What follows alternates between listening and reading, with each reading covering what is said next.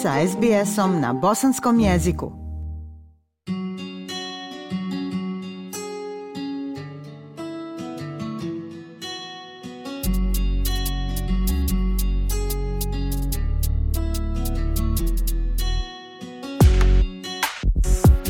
Slušate SBS program na bosanskom. Savezni parlamentarci vratili su se u Kamberu nakon trosedmične pauze, a očekuje se da će odnosi na radnom mjestu i pritisci troškova života dominirati sjednicama. Vladine promjene imaju za cilj da osiguraju da honorarni radnici budu plaćeni isto kao i direktno angažovani uposlenici koji rade isti posao na istoj lokaciji. Kako izvještava Debora Grork, parlament se ponovo vratio u Kamberu, a najvažnije pitanje o kojem se raspravljalo ove sedmice je odgovornost. Jedna od prvih tačaka dnevnog reda bila je prijedlog zakona koji bi zahtijevao da se sve političke donacije izvještavaju u realnom vremenu. Nakon snižavanja praga za otkrivanje donacija 2023. godine, poslanica iz Južne Australije, Rebeka Šarki, kaže da bi prijedlog zakona koji je ona predložila učinio transparentnim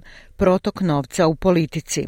Under existing regulations, Australians had to wait nine months after they voted in the last federal election Prema postojećim propisima, Australci su morali čekati devet mjeseci nakon što su glasali na posljednjim saveznim izborima da bi mogli pratiti kretanje novčanih sredstava od kandidata, od donatora, od donatora do kandidata zbog naših labavih političkih regulativa o političkim donacijama. Na primjer, glasači prije izbora nisu znali da je ministrica komunikacija u čijoj nadležnosti se nalazilo i online kockanje primila gotovinske donacije od oko 19.000 dolara dok je držala taj portfelj kao ministrica u opoziciji. Laboristi su na ovom zasjedanju usmjereni na odgovornost na radnom mjestu. Podaci pokazuju da je 91 radnik do sada ove godine smrtno stradao na svom radnom mjestu, pa zato vlada predlaže zakon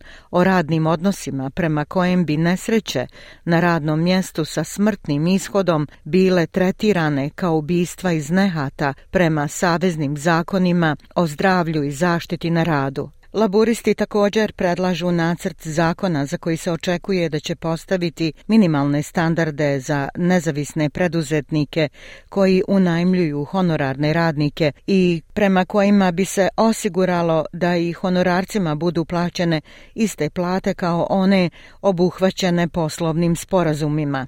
Poslovne grupe i preduzetnici su kritikovali ove prijedloge i kažu da bi ti zakoni otežali kompanijama da uopšte koriste radnu snagu, a neke bi mogli natjerati da podignu cijene.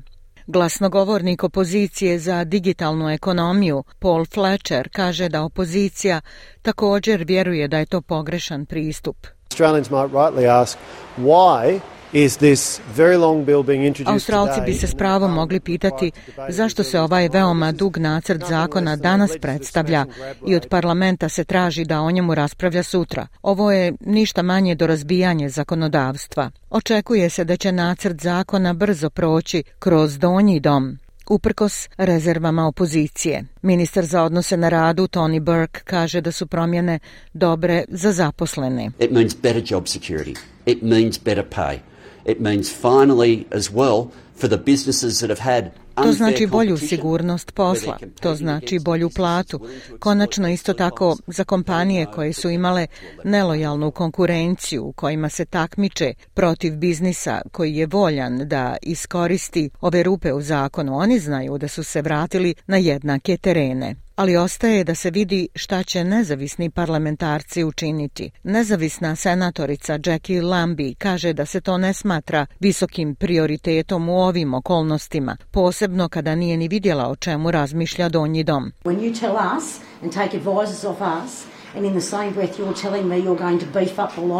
Kada nam oduzmete savjetnike i u istom mahu kažete da ćete bolje snabdjeti biblioteku, to su gluposti. Niste učinili ono što ste obećali. Biblioteka nema stvari koje su nam potrebne. Daju nam linkove da ih pošaljemo nazad savjetnicima, da oni sami urade istraživanje. Tako da vam mogu reći da zadnja stvar o kojoj razmišljam su prijedlozi zakona o radnim odnosima, kada sam u posljednja 72 sata morala proći kroz 14 zakona. Senatorica Lambi nije jedina koja je zainteresovana da stvarima posveti pažnju koju zaslužuju. David Shubridge želi više informacija o putovanjima državnim avionima koja finansiraju porezni obveznici. Dokumenti o letovima političara, avionima kraljevske australske avijacije, finansirani od poreskih obveznika, godinama su bili dostavljani na uvid parlamentu do 2022. godine. Ured Richarda Malsa već je branio svoje odbijanje da objavi te detalje iz razloga nacionalne sigurnosti, ali senator Šubrić kaže da to nema smisla. The defense minister has managed to take some 3.6 million dollars. Ministar odbrane je za nešto više od 12 mjeseci na toj funkciji uspio potrošiti oko 3,6 miliona dolara za letove posebne namjene. On i njegov ured bili su ključni dio u odbijanju transparentnosti o detaljima tih letova. Zeleni ne prihvataju bezbjednostni argument da će se otkriti neki obrazac života ako nam kažu gdje su podpredsjednik vlade i ministar odbrane letjeli prije 12 mjeseci. Upotrebit ćemo ovlasti senata da prisilimo objavljivanje objavljivanje tih dokumenata. U međuvremenu zastupnica partije Nationals Bridget McKenzie najavila je planove za pokretanje istrage o odluci savezne vlade da odbije zahtjev za dodatne letove Qatar Airwaysa u velike australske gradove. Senatorica kaže da su dodatni letovi Qatar imali potencijal da smanje cijene avionskih karata i podstaknu australsku turističku industriju u vrijeme kada su svi mogli iskoristiti pauzu. Australians want an aviation industry that is affordable, that's reliable and that is safe. Australci žele avioindustriju koja je pristupačna, pouzdana i sigurna, a upravo to nemamo u ovom trenutku. Moramo riješiti taj problem jer laboristička stranka ne zna šta radi po pitanju avijacije. Parlament će zasjedati u narednih dvije sedmice, ali premijer Antoni Albanizi bit će odsutan tokom značajnog dijela sjednica dok putuje Azijom i prisustvuje samitu G20 u New Delhiju. Ja sam Aisha Hadži Ahmetović.